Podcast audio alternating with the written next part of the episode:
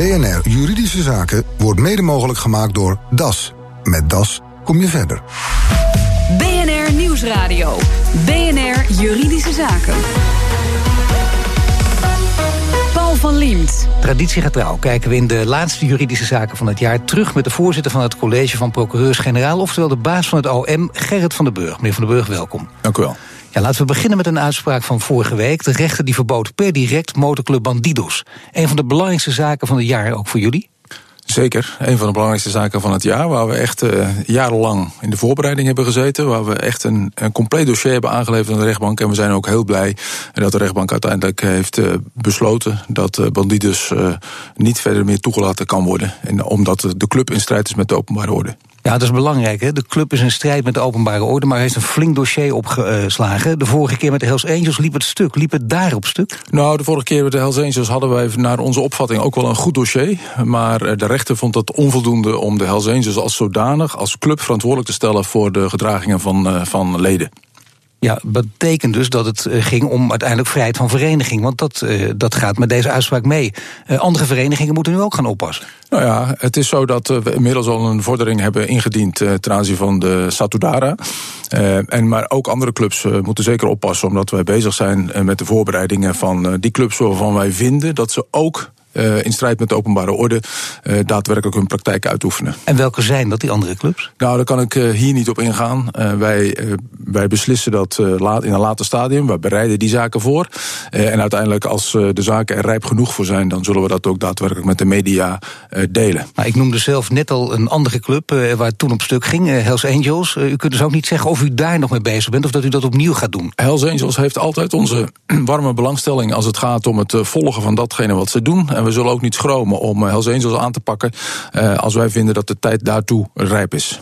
Hoe lang heeft het geduurd voordat u de zaak rond had over de bandidos? Nou, we zijn er toch wel een jaar of drie mee bezig met het opwerken van het, van het dossier, het verzamelen van incidenten, het, het, het constateren van strafbare feiten die het patroon van misdadigheid ook daadwerkelijk elke keer bevestigen. En u moet zich voorstellen dat de rechter heeft gezegd dat er een cultuur is van het plegen van strafbare feiten en het cultuur van onwettelijke gedragingen. en daarmee zeg je nogal wat. Daarmee zeg je dus eigenlijk dat zo'n club als de Bandidos niet past in een democratische samenleving. Ja, dat betekent dus dat er meer clubs zijn die er ook niet in passen, want die uitspraak heeft een verdergaand belang. Wat, wat is het brede belang van deze uitspraak? Nou, het brede belang is dat uh, uh, eigenlijk, als je kijkt naar het bestaansrecht van die club, het meteen na gisteren of na van de week is opgehouden. Het is meteen opgehouden. Uh, dat wil zeggen dat er ook meteen aan de slag kan worden gegaan om, uh, om, de, om een vereffenaar aan te stellen. Waarbij ook daadwerkelijk de schulden die de club heeft en dergelijke. en de betalingen die ze moeten uitvoeren ook daadwerkelijk meteen te gaan vereffenen. En als we clubhuizen hebben, zullen de vergunningen onmiddellijk kunnen worden ingetrokken. Maar ik bedoel met brede belang ook niet alleen wat er gebeurt met de club zelf. Want die kan, uh, ik, ik begrijp het, uw vader, die wordt misschien wel financieel uitgekleed. Maar ja, anderen moeten dus ook gaan oppassen. U heeft er al een paar genoemd. Sommige kunt u niet gaan noemen. Maar dit is iets waar het OM flink op gaat inzetten de komende jaren. Wij zetten hier al flink op in. U moet zich voorstellen, er zijn echt uh, een flink aantal mensen uh, eigenlijk dagelijks bezig met het, uh, met het voorbereiden van dit soort dossiers. dat doen we nu sinds een paar jaar. En dat zullen we blijven doen totdat wij vinden dat er een acceptabel niveau is van, van die clubs en van de manier waarop ze daadwerkelijk nog verder kunnen gaan in, de, je, in onze democratie. Nu kun je denken, u heeft een belangrijke stap gezet, maar nog niet een stap om, om deze criminaliteit uit te schakelen. Want ze kunnen nieuwe vereniging oprichten. Ze kunnen zichzelf Bandidos 2 gaan noemen, ik noem maar wat. En, en dan kunnen ze opnieuw beginnen, of niet? Ze kunnen nog van alles doen. En ondergronds uh, kunnen ze doen wat ze, ze kunnen willen? van alles doen. Hè. En u hoort mij ook niet zeggen dat, uh, dat uh, opeens alle strafbare feiten zijn gestopt. Zeker niet. Maar het is wel een heel erg belangrijk signaal... dat wij in onze samenleving dit soort clubs niet pikken. Zo simpel is het. En uiteindelijk, als de, als de zaak ook onherroepelijk is... dan kunnen wij ook leden aanhouden als zij in strijd met dat verbod nog steeds activiteiten ondernemen. Is het wat platte gezegd ook geen uh, goede marketing gewoon voor het Openbaar Ministerie? Van kijk eens even hoe stevig wij kunnen optreden als we maar willen? Nou, wij denken nooit in termen van marketing. Wij denken in Oh. termen van optreden. Ja. Uh, en ook niet in, de, in termen van wij willen een, een goede reputatie. Een goede reputatie is belangrijk voor ons als instituut. Ik wou net zeggen. Uh, maar wij zullen wel, wel degelijk ons altijd baseren op uh, datgene wat er in de samenleving mis is. Uh, en daar ontlenen wij ook onze, graag onze reputatie aan. Nou, wat er nog meer mis is, uh, hangt ook met terrorisme samen. Hè? Behalve motorrijders organiseren namelijk ook terroristen zich. Wat hebben jullie bereikt in die aanpak van het terrorisme? Nou, u moet zich voorstellen dat we ongeveer 400 onderzoeken hebben uh, naar, uh, naar uh, activiteiten die te maken hebben met terrorisme. Dreigingen, maar ook uiteraard de, de mensen die zich in het strijdgebied bevinden. Waar wij ook strafzaken tegen hebben lopen. Dus we hebben daar echt een groot offensief op gezet. En dat is ook nodig, want wij vinden dat elke dreiging, elke dreiging in de samenleving was het onze, moet ook daadwerkelijk worden aangepakt. Maar laten we een voorbeeld geven. De Syriëgangers, die kun je dus bij verstek veroordelen. En dat is, dat is ook een belangrijke stap. Vindt u dat ook meteen de belangrijkste? Nou, uh, liever veroordelen, laten we ze veroordelen terwijl ze aanwezig zijn. Uh, maar een verstekveroordeling is wel een belangrijke mijlpaal, omdat we dan laten zien aan iemand die nog in het strijdgebied is, op het moment dat je terugkomt, dan uh, moet je ervan zeker van zijn dat we laten zien dat het gedrag niet wordt gepikt en dat we je opsluiten. Maar hoe zit het dan met een, een, veel grotere groep, namelijk die niet-westerse terroristen, die ook terug kunnen keren en die veel moeilijker voor jullie te vangen zijn? Nou, we werken elke dag samen met, met partners zoals de NCTV en de politie uiteraard. Uh, om uh, het, het risico dat, uh, dat zich allerlei nationaliteiten in ons land begeven en gaan begeven. En die daarmee te maken hebben om dat risico zo klein mogelijk te maken. U bent nu uh, zeven maanden de, de, hoogste baas, om het even zo plat te zeggen, bij het Openbaar Ministerie. Bevalt het? Ja, het bevalt prima. Het en wat, wat valt u tegen? Want ik begrijp dat alles goed is, maar er valt er ook iets tegen. Van u denkt ja. van nou, daar moet ik nog even aan werken. Ja, wat er valt tegen. Kijk, we, uh, wij moeten elke dag blijven werken aan, uh, aan de kwaliteit van ons werk. Uh, we hebben elke dag te maken met schaarste. We moeten keuzes maken. We kunnen niet alles. we hebben elke dag te maken met wat ik wel eens noem de onderbuik van de samenleving. Hè, waarvan ik liever zou vinden dat, dat we daar extra stap in zouden kunnen zetten om dat zo beheersbaar mogelijk te houden. Want waar, dus waar, kun, waar, kunt u nu, waar kunt u nu te weinig gaan doen of niet nou ja, genoeg aan doen? Het, het, schaarste is altijd een gegeven in ons werk. Uh, als je kijkt naar de aanpak van ondermijnende vormen van criminaliteit.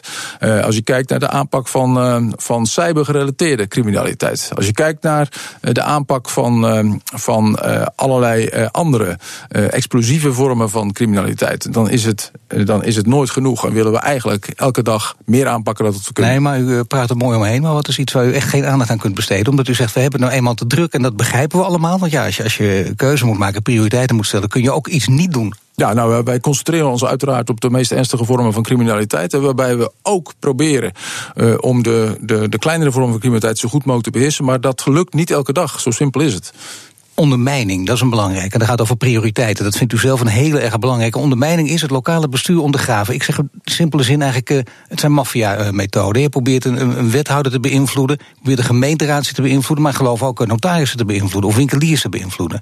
Ja, het is, Wat u, kunt u daaraan doen? Nou, ik, ik zeg wel eens, het is een sluipend gif. Het is een sluipend gif omdat de, je, je ziet het niet elke dag in het straatbeeld. Uh, en dat maakt het ook daadwerkelijk dat maakt het gevaarlijk.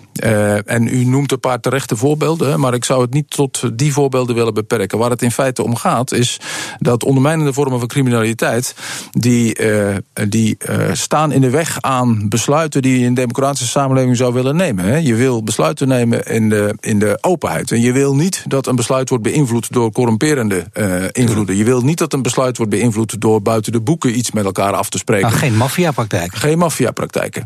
Uh, en dat, dat kunnen kleine verschijningsvormen zijn. Hè. Uh, denk aan, ik heb het voorbeeld wel eens vaker gemaakt, maar denk aan een, een reisbureau waar iemand binnenstapt met het verzoek om een grote reis te organiseren met maar één voorwaarde, namelijk dat hij contant betaalt. Nou, als ja. reisbureau, als je daar één keer in meegaat, dan kom je er ook niet meer uit. Hè. Dus het is niet alleen maar die, dat, dat sluipende gif. Het is ook een, um, uh, uiteindelijk een klimaat van intimidatie en geweld. Waar, wat daardoor kan ontstaan. En, en waar waardoor... concentreert zich dat in Nederland? Want het is over het hele land verspreid, maar waar concentreert het zich vooral? Nou, we hebben natuurlijk allemaal gezien uh, dat, uh, dat in het zuiden we daar echt de handen aan vol hebben. Brabant en Limburg. Brabant en Limburg, daar hebben we echt de handen daaraan nou, vol. Daar kennen we een hele geschiedenis, hè. er zijn films over gemaakt, boeken over geschreven. De Bende van Os, het is een beetje die praktijk, maar dan in de huidige tijd. Ja, de Bende van Os, ik weet niet of dat nou het beste voorbeeld is, maar er zijn wel boeken over geschreven. En waar het om gaat is dat je ziet dat dat in, in generaties lang is ontstaan. Hè, dat er parallele samenleving is ontstaan waarbij op wijkniveau bijvoorbeeld, hè, als je de keuze hebt, simpelweg de keuze hebt om, uh, om uh, bij Albert Heijn achter de kassen te gaan zitten of henneptoppen te knippen. dat dat dan heel normaal wordt gevonden, omdat het meer verdient, dat je voor het laatste kiest. dat is op, op wijkniveau, wat je zou kunnen noemen, ja, er groeit een andere cultuur. en dat kost echt jaren om daar, om daar ook daadwerkelijk slagen in te kunnen slaan. Ja, maar je hebt het al over Je hebt geld nodig en, en, en mensen heb je nodig. En het kabinet maakt 100 miljoen euro vrij. Nu is het heel moeilijk om dit los van een context, dit bedrag even te beoordelen. U zult het altijd te weinig vinden. Maar is het echt veel te weinig? Nou, kijk, je hoort mij nooit praten in termen van te weinig of veel te weinig. Het is een eh, realiteit. Je zal het er ook daadwerkelijk bij moeten doen. Ik zeg altijd, in feite is elk geldbedrag nooit voldoende om, uh, om ook daadwerkelijk uh, te doen wat je graag zou willen doen. Uh, maar het biedt in elk geval wel perspectief om er nog jarenlang, want ik zeg, ik heb ook al eerder gezegd, je bent er echt nog jarenlang mee bezig met elkaar in parate teams om, om die ondermijnende vorm van criminaliteit. Maar als u het zo belangrijk vindt, als u de prioriteit nummer één vindt, dan zou je kunnen zeggen dat er op dit moment moment wel degelijk sprake is van maffiapraktijk in Nederland? Nou, dat, dat woord neem ik niet in de mond. Uh, maffiapraktijken, nee, je ziet wel, je ziet wel uh, dat er uh, patronen en symptomen aan het ontstaan zijn die daar wel wat van weg hebben. maar het is, het is niet zo dat je kunt zeggen, nou weet je wat, we hebben, we hebben hier echt volop maffiapraktijk in het land, zeker niet. Zometeen, het OM neemt anderen de maat, maar hoe blijft de organisatie zelf integer? BNR Nieuwsradio. Juridische Zaken.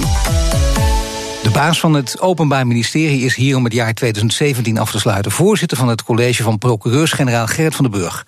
Ja, volgens u is het strafrecht beperkt in de aanpak van misdaad. Je lost de criminaliteit uiteindelijk niet mee op.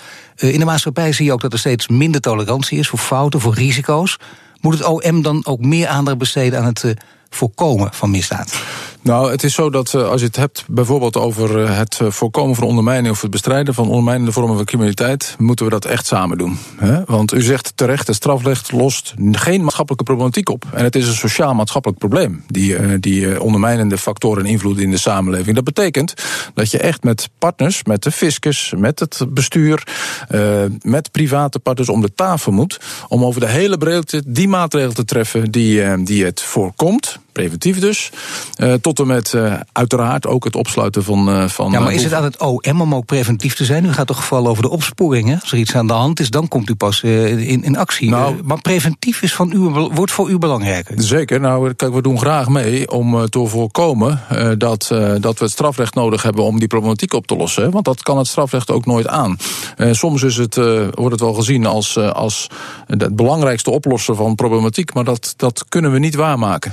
Uh, en uh, als er op de, aan, de, aan de andere kant niks gebeurt, ook preventief niet, hè, dan wordt uiteindelijk uh, de toepassing van het strafrecht wordt het laatste putje waar alles naartoe stroomt. Zou je kunnen zeggen dat er bepaalde zaken zijn die u nu naar boven schieten, die u als eerste gewoon, die als eerste bij u opkomen als u hier aan denkt, waar je graag preventief op wil werken? Nou, denk aan, aan problematiek in, in wijken, bijvoorbeeld met die ondermijnende vormen van criminaliteit. Daar is het vooral belangrijk dat zo'n wijk weer uh, deel uitmaakt van de samenleving, is het vooral belangrijk dat jongeren een baan krijgen. Maar wat kan het OM daar dan precies doen? Nou, het OM probeert daar wel mee te doen en mee te denken in het investeren in, uh, in uh, dat soort zaken. En we komen natuurlijk echt uh, daadwerkelijk in de benen als er een strafbaar feit is gepleegd. Maar al, ook als er een strafbaar feit is gepleegd, is er onze inzet erop gericht, naast uiteraard het afstraffen, om degene die het betreft ook weer deel te kunnen laten uitmaken van die samenleving. En als mensen bij elkaar komen, bijvoorbeeld uh, familieleden of vrienden bij elkaar, die hebben een feestje om wat voor reden dan ook, of die denken het zijn feestdagen of we gaan leuke dingen doen, dan praten ze vaak over zaken als bijvoorbeeld strenger straffen. Ja. En dan roepen mensen heel vaak uh, elkaar overstemmend, uh, harde straffen is goed en nog harder straffen is beter. Wat vindt u daarvan? Nou, kijk, ik zeg, ook, ik zeg altijd: Nederland heeft niet alleen 16 miljoen bondscoaches, maar ook 16 miljoen rechters en officieren van justitie. Ja. Dus iedereen heeft daar zijn eigen opvatting Gelukkig over. maar één baas van het OM. Dat, is, ja. dat hoor je verder ja, nooit. Is, dat, dat, is, nee, dat is, dat maar tamelijk, dat is tamelijk nee, overzichtelijk. Ja. Dus dat scheelt weer. Um, en natuurlijk zijn er opvattingen over in de, in de samenleving. Overigens maken we wel regelmatig mee dat, uh, dat dezelfde inwoner in Nederland, als hij de hele context van zo'n zaak kent, ook toch wel opvallend milder wordt in datgene wat hij of zij, de verdachte of de dader, uh, daadwerkelijk. Uh, maar hoezo dan? Hoezo maakt u dat mee? Nou, omdat, omdat je dan vaak ziet, als je het hele dossier ziet, dan zie je ook de omstandigheden waar, waar, waardoor een verdachte heeft gedaan wat hij heeft gedaan. zodat je daar toch al wat meer, wat meer begrip krijgt, zou je bijna zeggen. Maar doelt u op, op de enquête? Jullie hebben burgers gevraagd, een enquête over de strafmaat in te vullen, heeft het daarmee te maken? Nou, bij die enquête vallen wel af en toe een paar dingen op. Hè, waarvan, wij, waarvan wij dachten dat, dat de burger dat wel zou zien als strafverzwarend. Daar toch de burger anders tegenaan kijkt. Hè? Dat de burger de straf lager inschat dan het OM? Nou, kijk, we vragen nooit exact naar strafhoogtes. Hè, want dan krijg je natuurlijk allerlei, allerlei verschillende beelden. Maar het gaat om de onderlinge strafzwaarte. Uh, een van die voorbeelden uh, is oplichting. Wij dachten, uh, als oplichting gebeurt aan de voordeur met een babbeltruc, ja. is de impact daarvan groter dan als het gebeurt via internet. Nou, daar denkt de burger toch anders over. Die denkt in feite in beide gevallen heeft het evenveel impact. En wie heeft het dan gelijk? Het OM of de burger? Nou, het gaat niet zozeer om gelijk, hè, maar het nou, is wie, wel, wie zit het, het, beste is, het, koers, wel, het is wel aanleiding geweest om, uh, om ten aanzien van in, ons, in onze strafbeleid, om daar weer eens naar te kijken en dat ook daadwerkelijk gelijk te trekken. Oh, dus niet alleen maar te kijken, maar de burger heeft u dus op het goede spoor gezet? Nou, op het goede, op het Op het spoor, andere? eh, die heeft ons een ander inzicht gegeven. Hè? Namelijk, wij dachten, wij dachten, door persoonlijk Ja. contact komt het harder aan als je wordt opgelicht. De burger zegt, nou ja, dat, dat hard aankomen is toch eigenlijk ook al zo als het via internet gebeurt, via marktplaats of iets dergelijks. Laten we het over nog echte harde straffen hebben. Want vorige week oordeelde de Hoge Raad dat levenslang als straf kan blijven bestaan. Hoe belangrijk is dat voor het Openbaar Ministerie? Dat is voor ons heel erg belangrijk. Eh, levenslang komt niet zo vaak voor, maar wij vinden wel dat eh, die personen waarvan wij vinden dat ze levenslang eh, opgesloten moet worden, dat, dat ook daadwerkelijk dat dat ook daadwerkelijk blijft. Eh, en de Hoge Raad eh, heeft gezegd, nou wij, wij voldoen met, eh, met de toezegging die het kabinet heeft gedaan en met de regeling die is ontworpen, voldoen wij aan het strenge regime van het Europees Verdrag. Maar in welke zin is het voor u van belang? Met name als het gaat om de afschrikwekkende werking, of heeft er nog een andere reden voor? Ligt er nog een andere reden ten grondslag? Nou, afschrikwekkende werking is natuurlijk heel erg belangrijk. Maar sommige misdaden, sommige misdaden, het gebeurt niet zo heel erg vaak, maar sommige misdaden, daar is geen discussie over mogelijk, wat mij betreft. Eh, die eh, misdadigers verdienen levenslang. En welke zijn dat? Eh, nou, denk bijvoorbeeld aan, aan liquidatiezaken. Maar denk ook aan, aan heftige moorden en doodslagen op meerdere personen. Denk ook aan hele heftige, hartverscheur, hartverscheurende, uit, de, uit de hand gelopen relaties. Waarbij, waarbij echt meer doden zijn gevallen. Dat zijn de zaken waar levenslang echt nodig is. Natuurlijk, maar hoe vaak komt dat voor? Eh, tientallen keren. eh, niet per jaar, hè, maar ik denk in, eh, als ik kijk naar de afgelopen decennia, dan is dat een, een Eén keer per jaar aantal dus. tientallen keren. Ik denk één, twee, drie keer per jaar. Kijk, dit jaar hebben we er toevallig iets meer gehad. Hè, want in het passageproces hebben we natuurlijk vier keer levenslang horen uitspreken. Maar dat is. Maar gemiddeld één keer per jaar, dan zou je bijna zeggen, dat is, heel, dat is weinig. En Het, het, het is te gek dat het gebeurt natuurlijk, moet je keihard afstraffen... maar niet iets om je dan zo druk over te maken als het zo weinig voorkomt. Nou, ik vind juist van wel. Daar moet je je zeker wel eh, druk over maken. Want het is, eh, het is echt een eh, serieus antwoord op de meest ernstige vormen van criminaliteit. en dat hoort er in, ons, in onze samenleving, hoort dat er nadrukkelijk bij. Ik denk overigens dat het wel iets meer is dan één keer per jaar hoor. Ik denk dat er een enkele keer per jaar aan, de, aan de orde is. Nou, laten we ervan uitgaan dat u heel veel op uw bord heeft. Dat blijkt in dit gesprek. Het is, het is echt eh, heel druk voor het Openbaar Ministerie. Logisch dus dat eh, als het over geld gaat, dat u, eh, dat, dat u meer wil hebben, dat u meer mensen nodig heeft. Maar het vorige kabinet bezuinigde op de hele overheid, dus ook op het Openbaar Ministerie. In 2018 wordt het 143 miljoen minder dan in 2011, om die vergelijking te trekken. Wat merken jullie daarvan? Wat hebben jullie van die bezuinigingen de afgelopen jaren gemerkt? Wat heeft uw voorganger daarvan gemerkt? Nou, u, eh, u zegt het terecht. We hebben, we hebben de afgelopen jaren hebben we een bezuiniging eh, voor de kiezer gekregen van ongeveer 25 procent. het laatste deel loopt daar overigens nog van door tot, eh, tot eh, ergens rondom eh, 2020, 2021. Maar je wil graag weten wat het effect daarvan is. Het effect daarvan is eh, geweest dat we echt wel eh, eh, de broekriem hebben moeten aanhalen. En behoorlijk ook. Eh, en eh, op, op enig moment eh, kwam daar echt wel eh, de bodem in zicht. En hadden we er echt last van? Maar klinkt nog van? algemene termen. Want wat merk je dan? Wat kunt u dan bijvoorbeeld niet meer doen wat u wel zou moeten doen? Nou, we hebben de afgelopen jaren hebben we niet kunnen investeren in extra officieren van justitie bijvoorbeeld, die wel hard nodig zijn eh, als je kijkt naar het, eh, naar het beeld in de samenleving. Maar wat ik echt te gek zou vinden, is zou betekenen dat u een paar heel belangrijke zaken heeft moeten laten lopen. Is dat ook het geval? Nou, je weet achteraf nooit wat je precies hebt laten lopen. Maar ik zei, net- ik zei net al dat we elke dag gedwongen zijn keuzes te maken.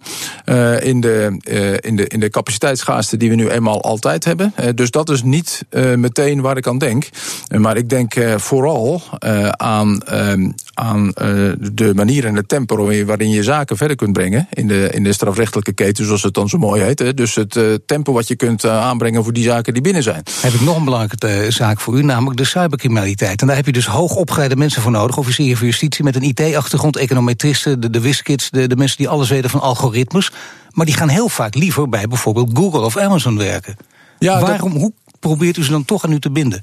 Nou, uh, wat heel erg belangrijk is, uh, we hadden het eerder over reputatie, hè, maar wat heel erg belangrijk is voor mensen die bij het OM willen werken, uh, is dat ze heel erg graag willen bijdragen aan, aan die maatschappelijke verantwoordelijkheid die wij hebben. Om rechtvaardigheid in ons land en die democratische waarden te beschermen. En heel erg duidelijk te normeren wat een goed en fout gedrag is. Dat is heel erg belangrijk in een democratie.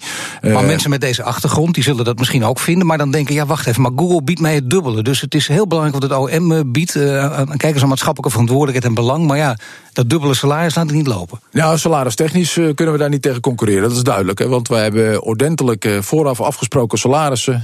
Waar, waar ook weinig variëteit op mogelijk is. Dus dat, die concurrentie verliezen we. Maar we maken het echt goed. En we hebben er ook wel veel belangstelling voor. we krijgen er wel veel belangstelling voor. Dat maken we echt goed in, in het wezen en, het, en de aard van ons werk en, ons, en onze organisatie. maar het is nooit genoeg. bovendien zijn er allerlei organisaties die, die gaan investeren in, in dit soort deskundigheid. Eh, dus het is elke dag hard werken om, eh, om die mensen ook daadwerkelijk binnen te krijgen. Hard werken is natuurlijk ook als je probeert eh, iets uit te beelden. Dat kun je doen in het theater. Jullie hebben, heb ik begrepen, zelfs een theatervoorstelling over integer gedrag gemaakt. Wie speelde de Gerrit van den Burg? Ha, door Gerrit van den Burg kwam er niet in voor. Die kwam, niet voor. Die kwam niet in voor, maar het is een theatergezelschap dat echt onze realiteit heeft nagebootst. Ehm, en uh, en het samenspel van, uh, van uh, collega's in een setting waarbij de samenleving steeds vraagt om onze inzet. Ik dank u voor dit gesprek. Gerrit van den Burg, voorzitter van het college van procureurs-generaal. BNR Nieuwsradio. BNR Juridische Zaken. Een huurhuis moet je bij vertrek weer netjes achterlaten. Luisteraar Hendrik Jan van Doren vraagt zich af of dit ook geldt voor de tuin. Het verslag is van Daan Marcelis. Hendrik Jan van Doren, uw vader woont in een huurhuis in Nijmegen uh, en gaat daar binnenkort uit. En u heeft nu een vraag over de bomen in de achtertuin. waarom? Mijn vader heeft eh, toen hij het huis betrok, uh, eh, 50 jaar geleden, die bomen geplant. En ze zijn nu inmiddels 50 jaar oud. Ja, wat voor bomen zijn het? Het zijn dennenbomen, la larixbomen. Ja, naaldbomen dus. Hè? Naaldbomen, ja, ja. Hoe groot? Ze zijn een diameter van 30 centimeter. en ehm, ze zijn huishoog. Forse bomen dus. En wat wilt u weten? Wat is uw vraag? Mijn vraag is of de, de huurbaas uh, mijn vader, van mijn vader kan verlangen die bomen weg te halen. Jaap Drijftold, wat zijn in het algemeen de regels voor het opleveren van een huurhuis? Die regels vind je terug in de huurovereenkomst zelf en de algemene bepalingen die vaak van toepassing zijn op een huurovereenkomst. Daar staat in zijn algemeenheid beschreven wat de huurder wel en niet moet doen bij de oplevering. In het algemeen in dezelfde staat als toen je het gehuurde tot je kreeg. Ja, vaak gaan die regels natuurlijk eh, over wat er in het huis is gebeurd. Deze boom staat in de tuin, dus buiten het huis. Groeit al meer dan 50 jaar, is helemaal geworteld met de grond. Hoe zit het dan? Nou, vooral die laatste toevoeging is een belangrijke in deze. Als die boom daar al 50 jaar staat, dat betekent dat die boom eh, inmiddels eigendom is gewoon voor, geworden van de verhuurder. Dat noemen we natrekking. Dus het eigendom ligt nu bij de verhuurder. Dat laat nog even onverlet de vraag voor wie de kosten komen om, om hem te kappen, als dat de bedoeling is. Afgezien van het eigendom, natuurlijk een flinke aanwijzing is. En de verhuurder, zoals ik heb begrepen, ook nooit klachten over heeft gehad, uh, geuit bij de huurder. Komen ook de kosten van het eventueel kappen van de boom komen ook voor de verhuurder. Het zou niet redelijk zijn in dit geval om die bij de huurder neer te leggen. Nou, goed nieuws voor de heer Van Doren. Hij hoeft niet te betalen voor het kappen van de boom, mocht de verhuurder dat van hem verlangen. Um, maar dan nog even in het algemeen. Zo'n boom kappen van deze omvang, mag dat zomaar? Dat hangt af van in welke gemeente de boom staat. Want die hebben allemaal hun eigen plaatselijke verordening. En daar is veelal wat geregeld over wanneer je wel en niet zonder vergunning mag kappen. In dit geval bij de gemeente Nijmegen heb je een kapvergunning nodig als de omtrek van de boom meer dan 95 centimeter is. Dus de verhuurder moet een meetpunt gaan pakken. Heeft u ook een juridische vraag? Mail hem naar juridischezaken.bnr.nl. En dit was de uitzending voor vandaag. U kunt de show terugluisteren via bnr.nl slash juridische zaken. Mijn naam is Paul van Diemt. Tot de volgende zitting. BNR Juridische Zaken wordt mede mogelijk gemaakt door DAS. Met DAS kom je verder.